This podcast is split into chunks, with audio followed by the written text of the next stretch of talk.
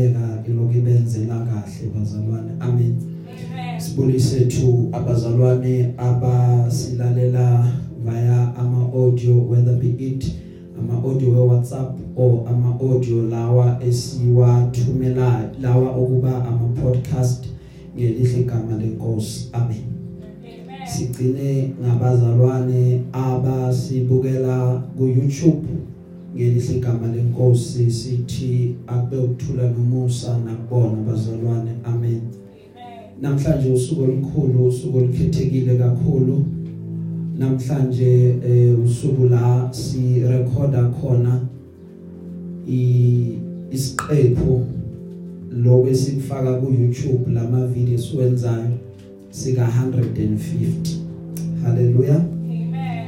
Ngicela nje ukuthi usishayele izandla la ukhona nje bazalwane siyabonga kakhulu eh akubona ukuthi siyakwazi ukukhuluma kona ukuthi siyakwazi ukwenza kona ukuthi siyahlanganisa amaqeda bese kuyahlangana. But umusa kaNkuluNkulu ovumayo kuba sime kuze kube ilesi sikhathi. Amen amen.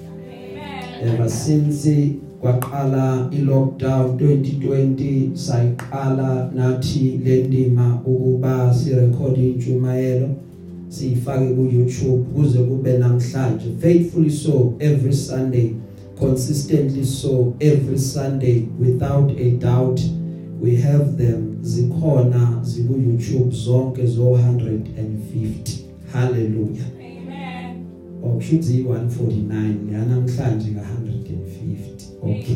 Nale yana namhlanje izobe ikhona ku YouTube bazalwane ngokusizwa inkosi. Hallelujah. So umusa kakhulu. Siyabonga eh, kubazalwane esisebenzisana nabo abenza make sure kuba umsebenzi every Sunday uba muhle ngokusizwa inkosi because inkosi isenzela kahle bazalwane. Amen. We trust the lord ke ukuba too many more njengoba namhlanje si record 150 wesiqephu siyakholwa ukuthi sesigogoda ku 200 ngasikudala so bese siku 200 amen. Inkinga ke yokushumayela live bazalwane nokuthi uphinde wenze intshumayelo uphinde uthumelele. Eh abantu abazalwane balalele babuseke. Inkinga yaloko yazi kuphi?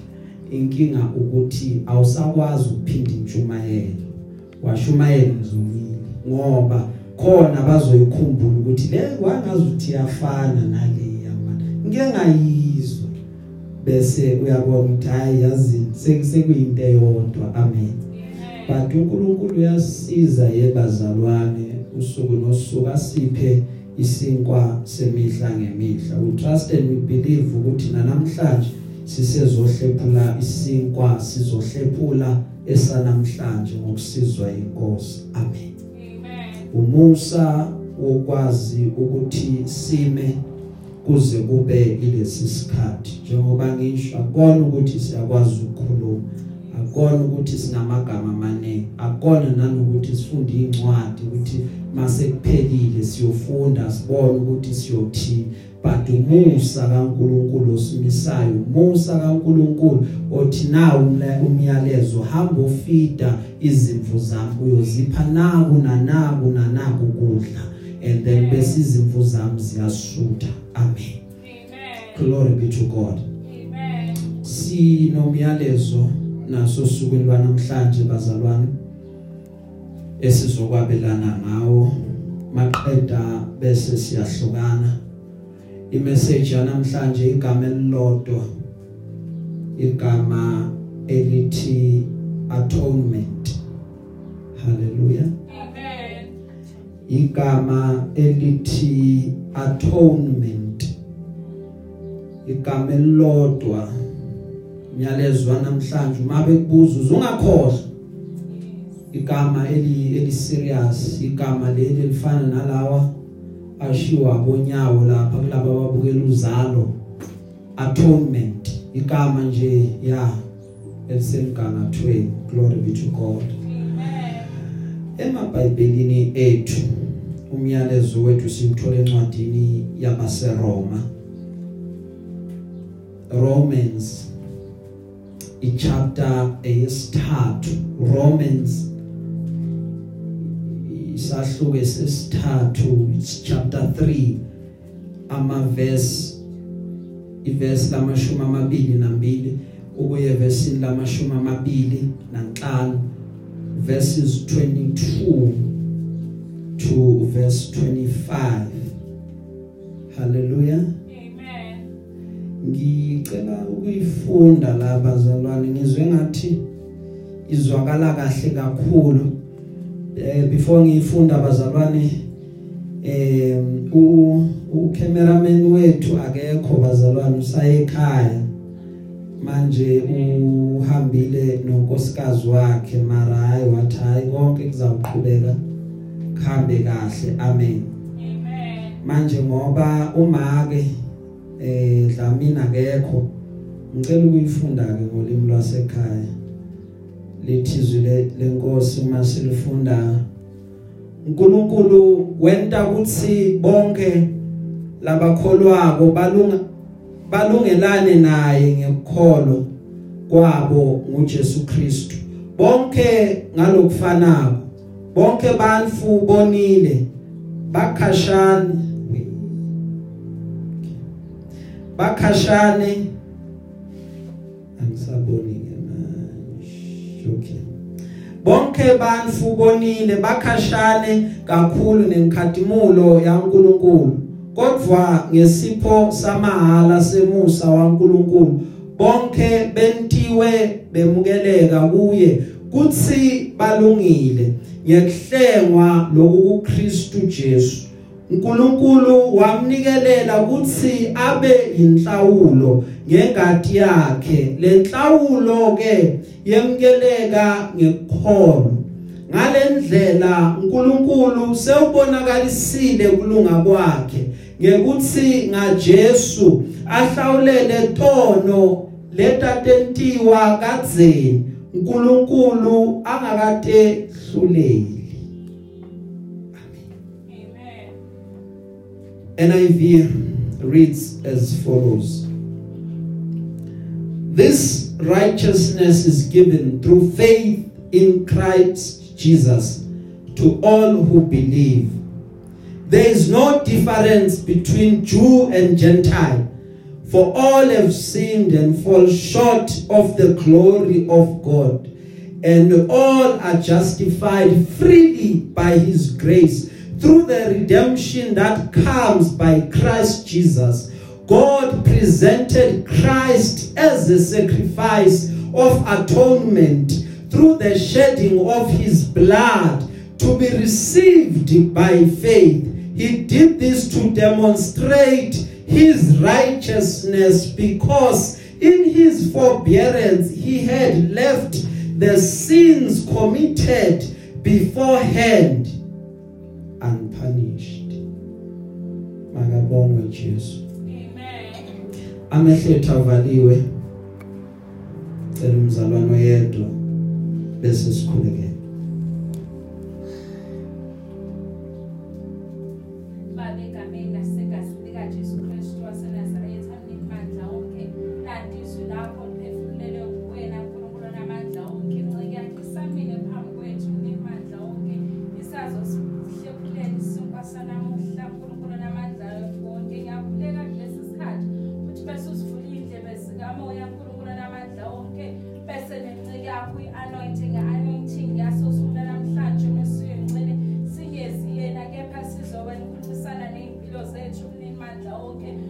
izwi lakho nkulunkulu namandla onke likanithembe lisho izwi lakho liyalapha liyaphilisa namanje ngiyakhuleka mnimandla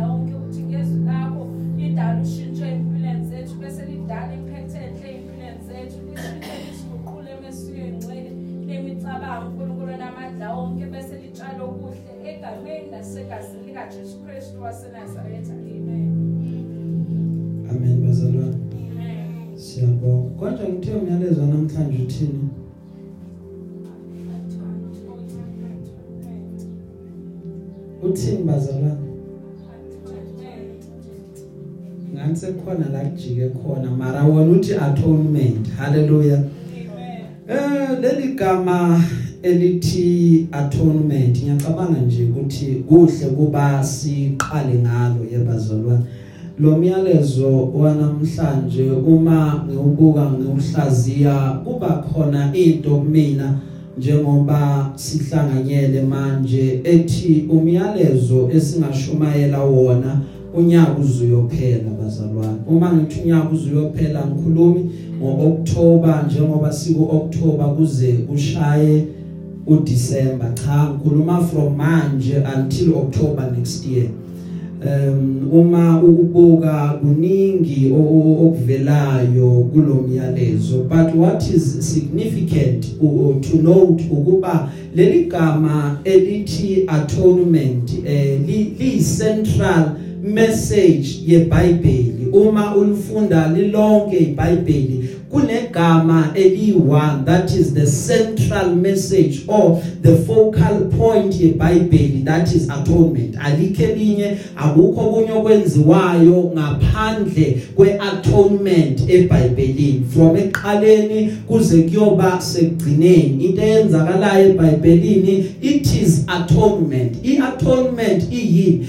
Iwukulungisa iphutha ebekade lenziwe ngaphambili. Then i will show you ukuthi iliphi leli phutha elenzeke ngaphambili leli gama elithi atonement lisho ukuthini? Ngendlela elula nje ukuthi lisho ukuthi at one meant uma ulihlukanisa at one meant ungahlukanisa into 3 at one meant atonement. So leli gama lisho the state of being one or being reconciled. Yile eyenziwa ibe yinye. Eh umuntu owonile a sinful man enziwe abemunye noNkulunkulu ongcwele ngoba uzokhumbula ukuba eqaleni sasikade simunye naye eh sasikade sidibene simunye naye. Uma ufika usithola sasitholakala ebukhoneni bakhe. We did not eh, need ukuthi kwesinye isikhathi asike ebukhoneni bakhe kulesi sikhathi sesisebukhoneni bakhe but always we were found ebukhoneni bakhe. Kula sasikade vele sipheleliswa khona.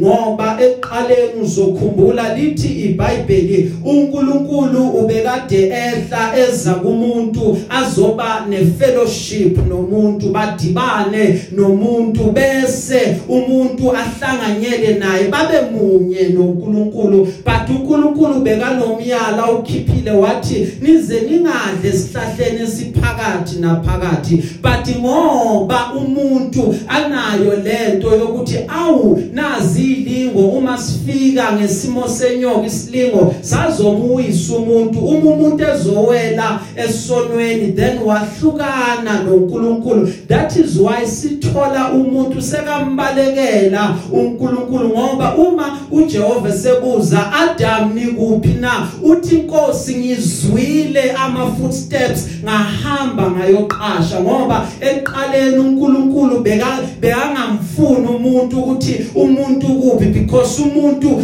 vele ubenabo lobudlelwano noNkulunkulu bekakwazi ukuthi athi nangu mina Nkosi before your presence.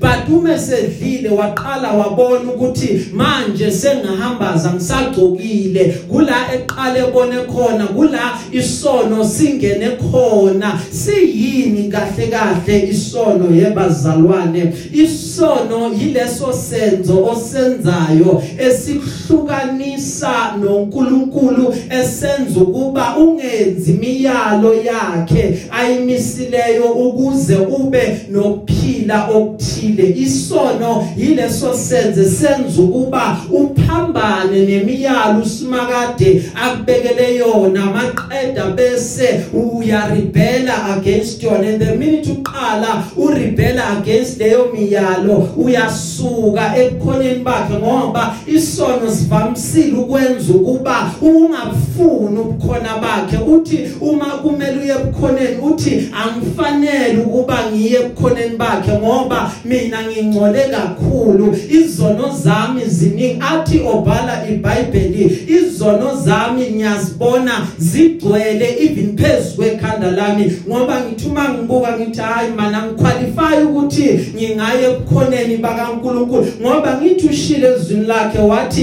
ibani ngcwele ngoba nami ngingcwele manje ngiyoya kanjani ebukhoneni bakaNkuluNkulu ongcwele? Ngibe ngazi kahle ukuthi ngingcolile ngithandeki nginezono eziningi. uNkulunkulu akazi ukungamkela. Already sengizahlulela ukuthi angiqualify ukuthi ngingaye ebukhoneni bakhe. Isono leso esenza ukuthi umuntu asuke abe excluded from the fellowship kaNkulunkulu ukuze angadibani nobuthathu bezulu. But abele abeyedwa aqeda ngakwazi ukuba a-experience amandla kaNkulunkulu. Lithi iBhayibheli uma sebadlile uNkulunkulu sekazohanda down ijudgment lithi iBhayibheli esilifundayo wathi laba bantu sebayakwazi ukuhlukanisa okuhle nokubi. Sebafana nathi manje akusadingeka ukuthi baqhubeke baphile inguna phakade ngoba isono uma sifika kumuntu uthi uJames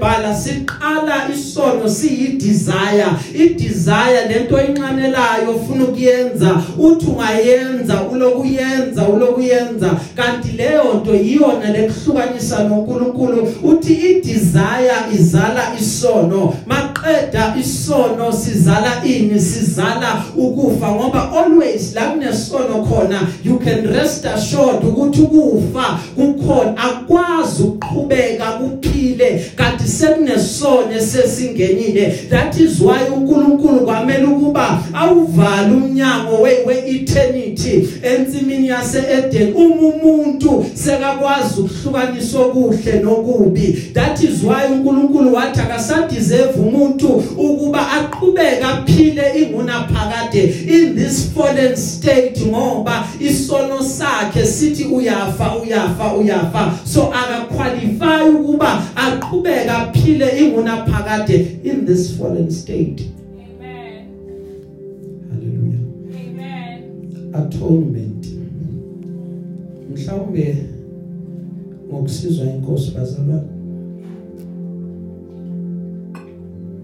sizothi introduction kule viki siqhubeke kule viki elizayo emva kwaloko sekuzasho umoya ukuthi senza njani haleluya Amen.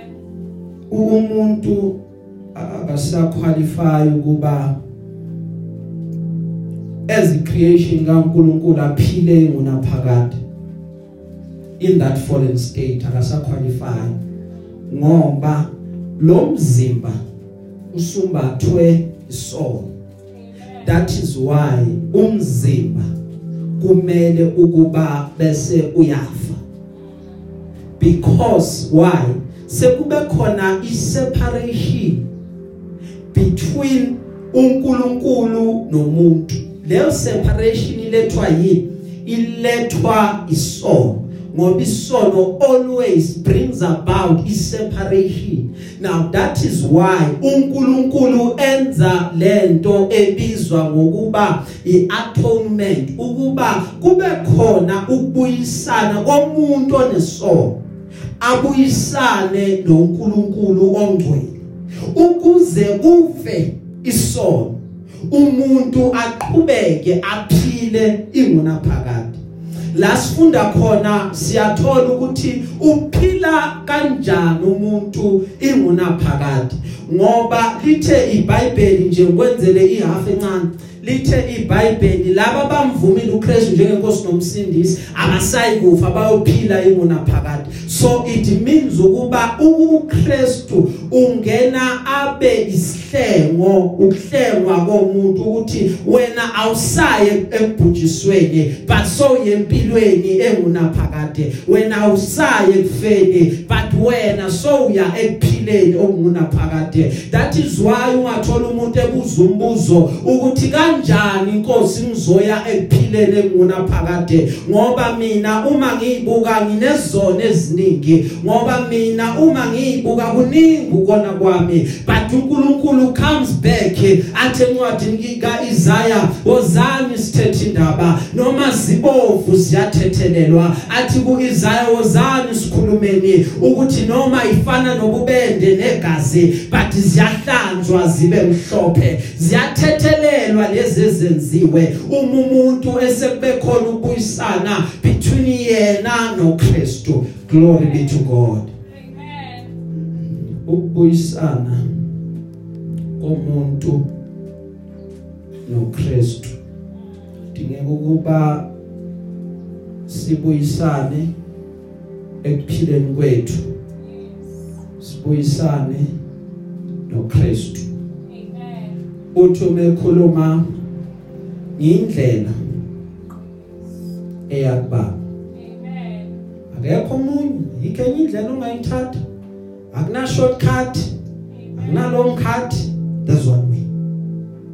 Noma bangathi sikhonza uNkulunkulu oyedwa ngendlela ezihlukene sibaningi inkolo zethu ayifani but there's one way. That takes us isimekise kuBaba Amen. Ngoba bayamvuma ubaba. Kepha inkinga ukuba baphika indodana.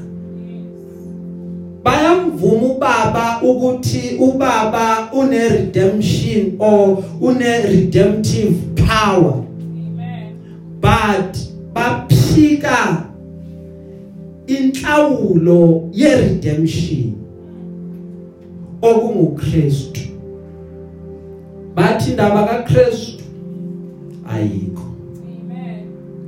but uKristu uyena kanye lo esimdingayo ngoba le enye inhlawulo ngoba uNkulunkulu efuna ukubuyisana nomuntu ukuthi eqaleni bekade simunye ngifuna ukuba siphinde sibe munye. Eqaleni bekade sizwana ngifuna ukuba siphinde sizwane. Le enye inhlawulo eyabekwa ngaphambili ibikade inganawo amandla. Athi ngithi ibikade ingekho effective ukuba ingawenza umsebenzi. Yakhokha le- le- le- leyo nhlawulo yasikhokhela yabakhokhela beze before thina bathi iqala lalokulimile linjalo lilokulithe outstanding. Isitha uma sisibuka sasiloku sithe siyakweleda ngoba inhlawulo ayiphelelanga ngoba umuntu bekathi uma se- seyenzekile leyo nhlawulo abuyela yokwenza isono. So uNkulunkulu wabona ukuthi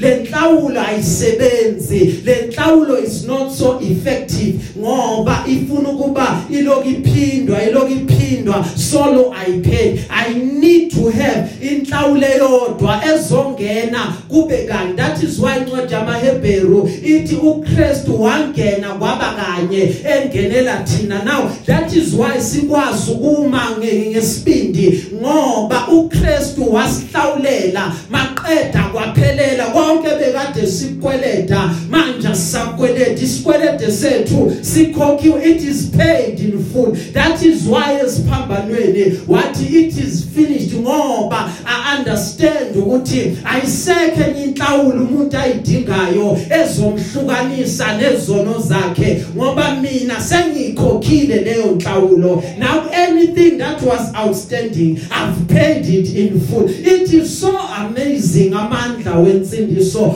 ngoba akhokhele laba bahambe before thina akhokhela thina ayophinda akhokhela abalandela thina. That is why athi ohlabelelayo the blood of Jesus shall never lose its power. Akudingeke elinye igazi ilona lodwe lawe eCalvary eleqhubekayo lisihlanze kuze kube manje. That is why isitha singasakwazi ukuqhubeka sisimangalele ngoba thina sesenziwe sababasha isikwelede bekade sinaso sikhokhiwe Amen. haleluya Amen. lithi iBhayibheli lasifunda khona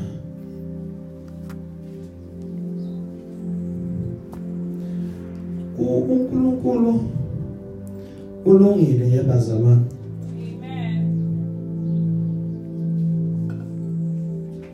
God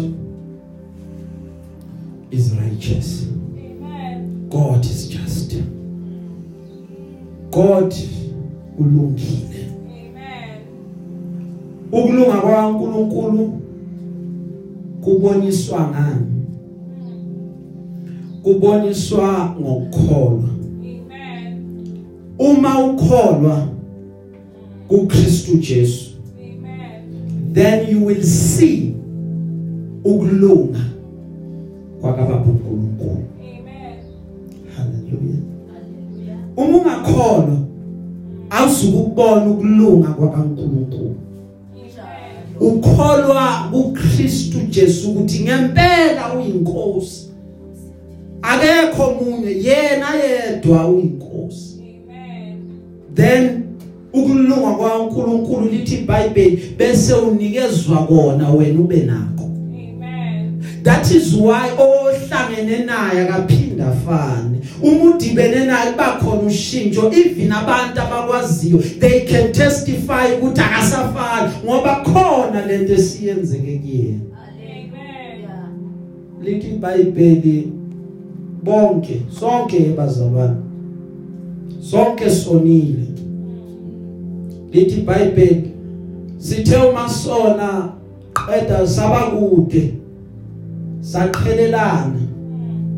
Nenkazimulo kaNkuluNkulu kazimulo sibukela kude Amen. ngenxa yobubi bethu Amen. kazimulo sibukela kude ngenxa yezono zethu Amen. that is why lithi iBhayibheli uNkulunkulu abeke istandard seglory we always fall short Jesus. because we cannot attain leso standard Amen. ngoba kithina kugcwele ububi kithina kugcwele ukhona Amen. that is why we cannot attain leso standard Amen. hallelujah Amen. uma uma ngikhuluma uzongizwa ukuthi before sifumana umusa sasikade sikude kanjalo kangako nale standard sokulunga. Amen. but indaba yethu yaguqulwa iguqulwa iatonement Amen. iguqulwa yiloku uNkulunkulu akubekile ukuthi labantu bayazama bona but asona bafinyeleli. Eh bayazama but ububi babo lokhu kuyavuka kubona. Bathi bazama but balokhu bayahluleka.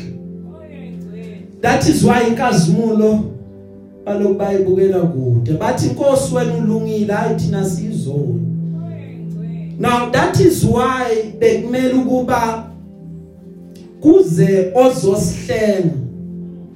That is why besimele ukuba kuze lo ozosilungisisisa ukuze sizoba sendaweni efanelekile. La sasikade sikhona yebazalwane sasikade sidinga umhlengi wabona umsindisi weimpilo zethu ukuthi akathumele indodana yakhe ukuba ize izosihlenga. That is why namanje lithi iBhayibheli akasiyekanga. But uyaqhubeka uyasinxuseka sometimes noma usukholwa buyavuka ubuthakathaka. Sometimes ziyavuka. Izinto kwama habit ezwe. Akuvukela uphakathi evangelini uyavukela ushumayela. But kunalento elokukhuluma kuwena ithunga kwenzi lokhu ngoba wena sowuhlengiwe awusafani nalabo abasodakeni. Bese lithi iBhayibheli nayo lokuyabanxusela athi baba umotha nyamazi Nkosi uhlaselekile but imzwele simakade ngoba umsebenzi wenxusa yiloku loku usicelela njalo. Umusa athi inkosi banomusa kuyena. Ngiyavuma simakade uphambukile. Ngiyavuma inkosi akenzanga kahle. Ngiyavuma inkosi uvumela izimo. Zabamba yena they, had the better of him. But inkosi mhawukele menzela umusa ungowakho. Ngithi ngiyavuka ekuseni. Ngithi hawu inkosi kanti usabuke ngakumina. Kanti ukhona uKristu ulokuyanxusela uthi baba ngimhlengile naye ngegazi lami lona ilona eqhubeka limhlanze ezonweni zakhe ukuthi noma izono ikhona but izono ayilingani negazi nomsebenzi olenzile. So sasa sasikade sidinga ukuhlenga wathumela umhlengi sasikade sahlulelwe kakhulu yabazalwane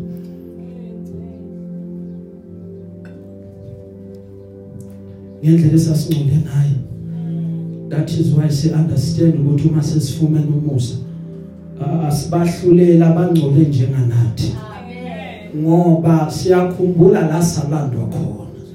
Eh that is why singayiboni singcono kunabo. That is why si noma sibathola balele phansi singabaqhubeki sibakhande ngamanje for we understand la salandwa khona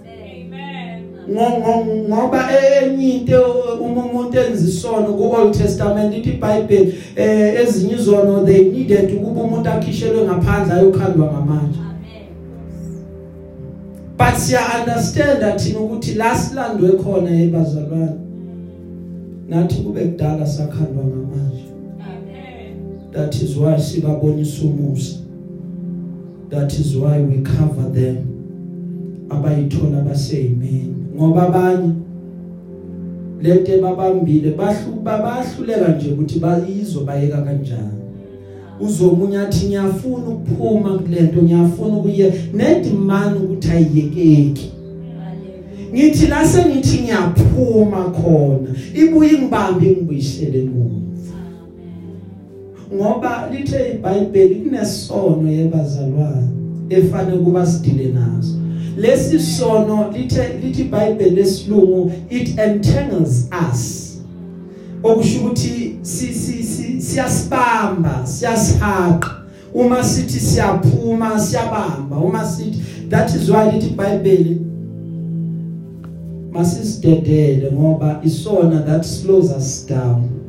Injongo kuba sifuna ukubona inkazimulo but ngenxa yaso siloku sibuyele emuva inkazimulo solo ingabuleki solo ingabonakala ingoba lento lokho yasibamba amen. Hey haleluya amen lithi iBhayibheli sihlengwe ngoKristu yabazalwane lithi iBhayibheli uNkulunkulu umisile ukuba abe inhlawulo ngokholwa egazini lakhe. Amen. Lithi iBhayibheli uma silifunda konke lokhu kubonakalisiwe ukuthi uNkulunkulu ulungile. Kwabonakalisa ukulunga kwakhe. Lithi iBhayibheli ngokuyekelwa kwezono ezenziwe ngaphambili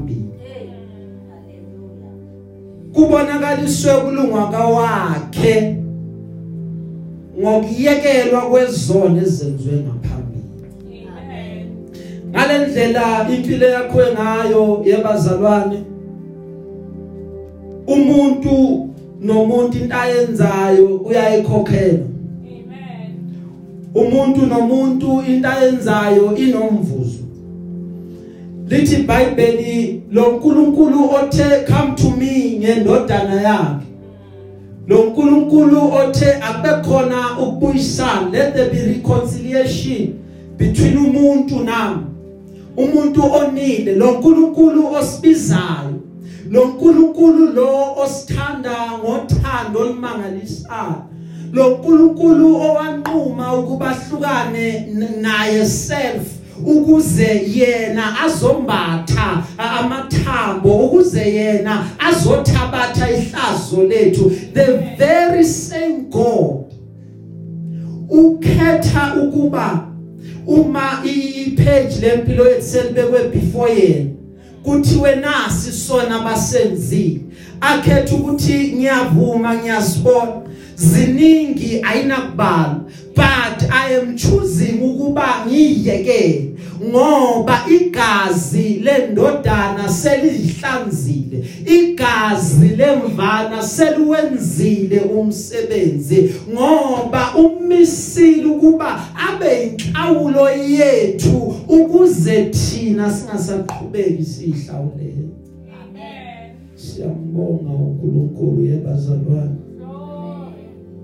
Ukuthi befanele siye kufeni Hallelujah. asaye kufeni Amen. befanele kuphele ngathi akusapheli ngathi A- abanye bayawazi amaphutha ethu babonile la siphambuke khona Yeah. bayibuza ukuthi uNkulunkulu senomusa kanjani kuthina sibonga nje ukuthi uNkulunkulu wethu simkhonzayo ulungile akafani nabantu sibonga ukuthi uNkulunkulu wethu akasijaji ngokuthi simone kangakanani maqeda bese uyasikwatela athi laba ngizobathola laba ngizobala sibonga nje ukuthi uNkulunkulu wethu akenzi into athi ngifuna ukumzwisa ubuhlungu ngalesona senze kumina. But uyakhumbula ukuthi kunegazi elingihlengile kumele ukuba abe mkhulu emuseni maqeda athatha isikhathi ukuba thukuthele. Aloke ngibonise njalo umusa athi buyisana nami ngoba umusa uyawudinga but ke nami yebazalwane sibizelwe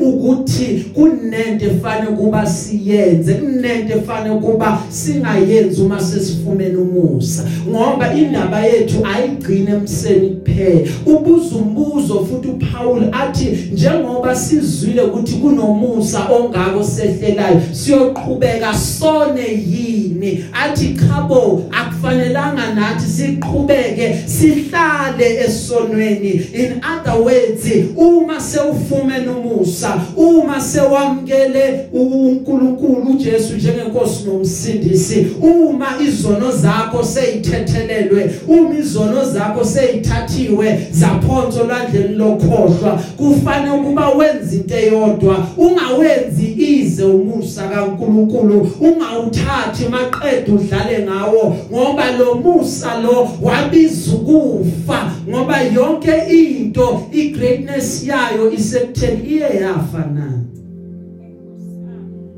that's the greatness ukuthi did it die and come back again now Amen. hallelujah Amen. once the sacrifice dies. And then iphinde iphile futhi.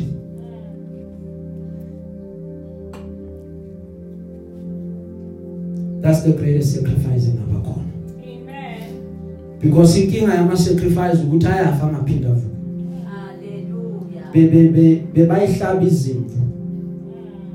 Bebayihlaba izinkukhu inkinga yazi ukuthi bezifa zingaphinde zivuke Amen. but uKristu ume ethathwa as a sacrifice ayobekwa enziwe umhlatshelo ealtar phela intaba yase Golgotha iyafana nje nealtar la bekubekwa khona umhlatshelo Amen. It becomes an altar because in the Old Testament most of the altars bebakhona ukwakha ngaphandle ngithi kubonakala ukuthi nali altar indawo yokuthandaza indawo efanele ukuthi ihlale umnikelo indawo efanele ukuthi ihlale umhlatshelo Amen. Amen. intaba segolgotha intaba yeminqumo iyafana nje nealtar Amen. umebekwa lapha njenge altar afa the greatest thing akwazile ukuba yenze ehlule all the other sacrifices ukuthi aphinde avuke futhi Amen. Amen. uma unaleyo kind of a sacrifice une sacrifice endlula onke ongawacabanga Hallelujah. that is why ungasakwazi ukuthi uyihlanze wena Hey, boss. angikwazi ukuba ngihlanze mina ngoba Senhlanzekile. Sevele ngihlanzile Amen. And eh, into eyenza ukuba lokuhlanzwa kwami kube namandla ukuba phinde kwavuka. Ngoba kubonakala ukuthi ngaloko kwami bekuyofa ngaphinde kuvuke. Kumele ngiphinde ngizame okunye. But lokhu kuyaqhubeka kungihlanzi ngunaphakade that is why nezinto ezivukayo kuyakwazi ukuba kumelane nazo ngoba nako kuye kwavuka. That is why kumele ukuba kumina kube nezinto ezifayo to never rise up. Because lo ongenile mina unamandla okumelana nayona yonke into that is carnal. Yonke into yomhlaba engathi yazama uqeda ngami. Yonke into yomhlaba engathi ibi- iphindi yabo but uma ngihleli kuye then i am assured ukuthi inkazimulo ngizoyibona. Amen. uyaphila unamandla. Jesus. uyi sacrifice sesiyaqeda yabazalwane uyi sacrifice ye atonement Amen. uyi sacrifice yokubuyisana Amen. uyi sacrifice yokusenza ukuba sibe munye Amen. uyi sacrifice eyenza ukuthi noma benxoshiwe ebukhoneni bakhe ngoba ukukhishwa ensimini meant ukuxoshwa ebukhoneni bakhe Amen. Now uyi sacrifice yokuthi noma benxoshiwe Yeah. ngiphinde ngibuyiswe. Ngizoba sebukhoneni bakhe. Yes. uyi sacrifice eyenza ukuba indlela yami ivele iqonde iye enkosini.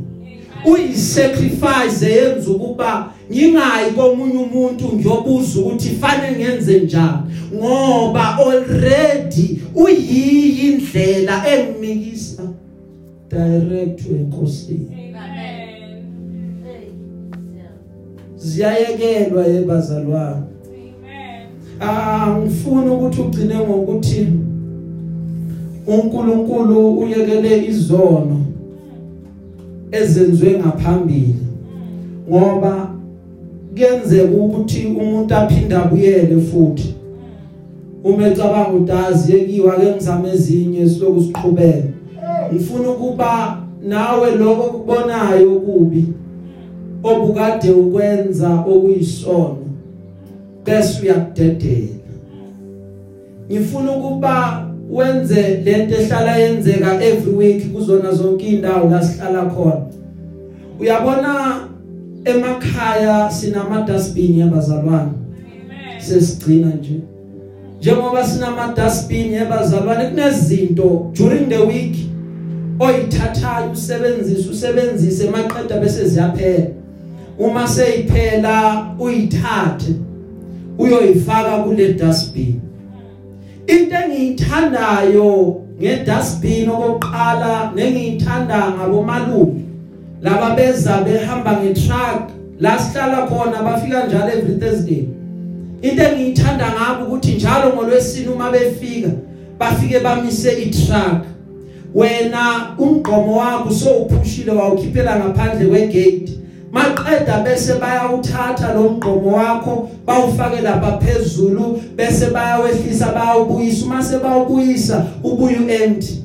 Uma ubuye uempty ngifuna ukuthi kuwena ke sesigcina konke okwakho noma ngabe kubaleke kangakanani. Uma bowuthathile wakufaka edustbin kwafika bomalume bakuthatha ngetruck bahamba bajika ngekhona. Angeke uphinde ukubona so ngifuna ukuthi kuwena nawe kanjalo njengoba usumntwana kaNkuluNkulu zonke izono zenze ngaphambili zidedele. Ufane nomuntu oyithathile wayoyilahle edodi kwafika bomalume bayithatha bahamba nazo to never return. Amen. don't go back. Amen. zungabuyele emuva. Ungafani ngululu elithi iBhayibheli noma ungayihlanzi bemhlophe ithandeke ibe yinhle. Noma ungathi uyathanda uthatha iperfume uyithele mawuqeda ukuyithela ngeperfume once yabona udaka nje kunalento kuyona ethi mina ngadalela udaka uzoyibona ibuyele edakeni iyoyibhucuza. Uthi awungulube nguthathile ngakuhla but ngoba kunale connection engabreakeki yodaka nengulube udaka lokuliyayibiza noma kungathi noma ngaba njani njalo ingulube yadalela udaka uzungaphenduki ingulube Amen. lapho ukholwa uthandaza uzungavumi Nkosi yami. lithi iBhayibheli izona ezenziwe ngaphambili ziyayekelwa Amen. moya ongcwele unamandla akahluleki Amen. konke uyasiyekisa Yes. siyeka kanjani ebazalwane ezinye izinto okokuqala iattitude yakho okwesibili izinto oyikhulumayo Hallelujah. once waqala wathi akuyekeki ngikholwe mangithi angeke kuyekeke Amen. once waqala wathi ayaphumeka angeke nje kwaze kwaphumeka change lezi zinto oyikhulumayo Mm. kuzoqala bese kuyayekeka Amen. Kunezinto ezinamathele kuwena efane kube uyitshela ukuthi wena ubani awuwona umuntu wazo we- wena uhlukile wena wena ungowasebukhosini zize endaweni wrong zithole a wrong address. They don't belong la kuwena ngoba izona kanye lokhu zikubambelela endleleni yakho yokhona uyafuna wena uqhubeke ukhuleke uyafuna wena ukubonakala ukuthi uyakholwa. Nethi lezi zinto lokhu ziyakudileya lezi zinto fanele uqale uyitshele ukuthi wena ubani umntwana wase wasebukhosini wena ungozelwe amazulu wena ohlukanisiwe nesono. Maqedwe uzobona lezi zinto ziqala zisuka kuwena ngoba ngoba wena self was entertain. Hlale ebukhoneni bakhe sesiyagcina sesiyahamba. Hlale ebukhoneni bakhe. Make it a point ukuthi impilo yakho isurroundwa yipresence kaNkuluNkulu. Make it a point ukuthi empilweni yakho ayikho vacuum ebakhona ngoba once kwaba nezikhala empilweni yakho wangabi busy ngalutho. Usathana uzothola indawo yokuthi aloku njalo ekuvakashela ngoba uyazi ukuthi uhleli awenzi lutho awukho busy ngalutho wena ulokuhleli athana indawo yami yokudlalela njalo kolokuhlala kudlalela amadimoni njalo kohlala kudlalela imoya yobunyama ngoba wena vele uhleli uvacant Amen. Amen. ahlala umenzi lutho Amen. hlala utholakala ekukhoneni benkosi Yes. Ake ngigcine ke kamampela ebazalwane ngenkathi sisakhula eh thina la bazalwane la sihlala khona njengoba sihlushwa yi load shedding kahle kahle ngi- ngiye ngakhumbula insuku sifika la sikhona. Ukukhumbula kwami lezo insuku la sihlala khona kukude kunakagogo kagogo ever since ngazi kwakudala kunegesi Amen. kepha ekhaya igesi yayikade ingekho bebangakasifakeli kwaya kwaya basifakela igesi Amen. But umama into yokuqala wayenza wathenga amakhandlela.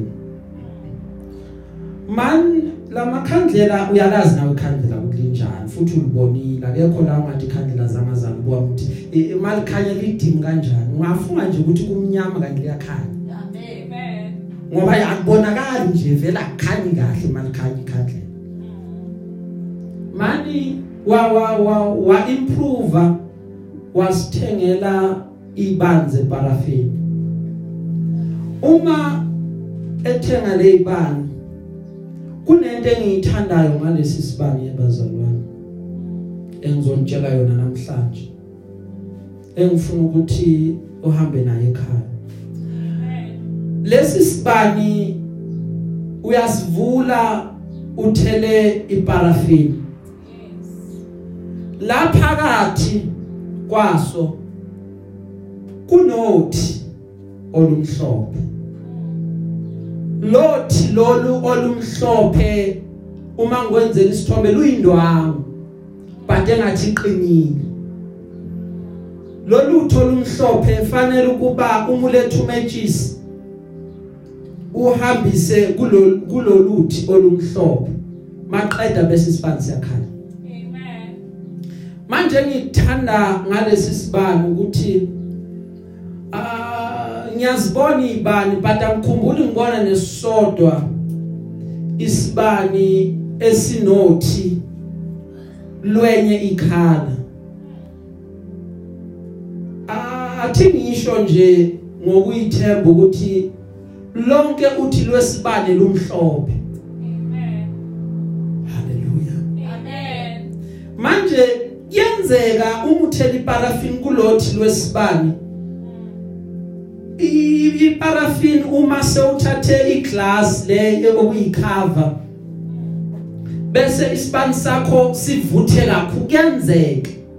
Kanti inkinga nje you just need to adjust uthi lwesibani so that eh isibani sivuthe kahle. Amen. kuyenzeka at the same time uthi lukhona iparafini khona umatches ukhona uthi uyalayita isibani singavuthi Amen. kanti kumele ukuba uadjuste uthi lwesibani ngithe kuwena uthi lwesibane lumhlophe nje konke okumhlophe kumele konke okungcwele konke lokho kumhlophe kumele the holy spirit.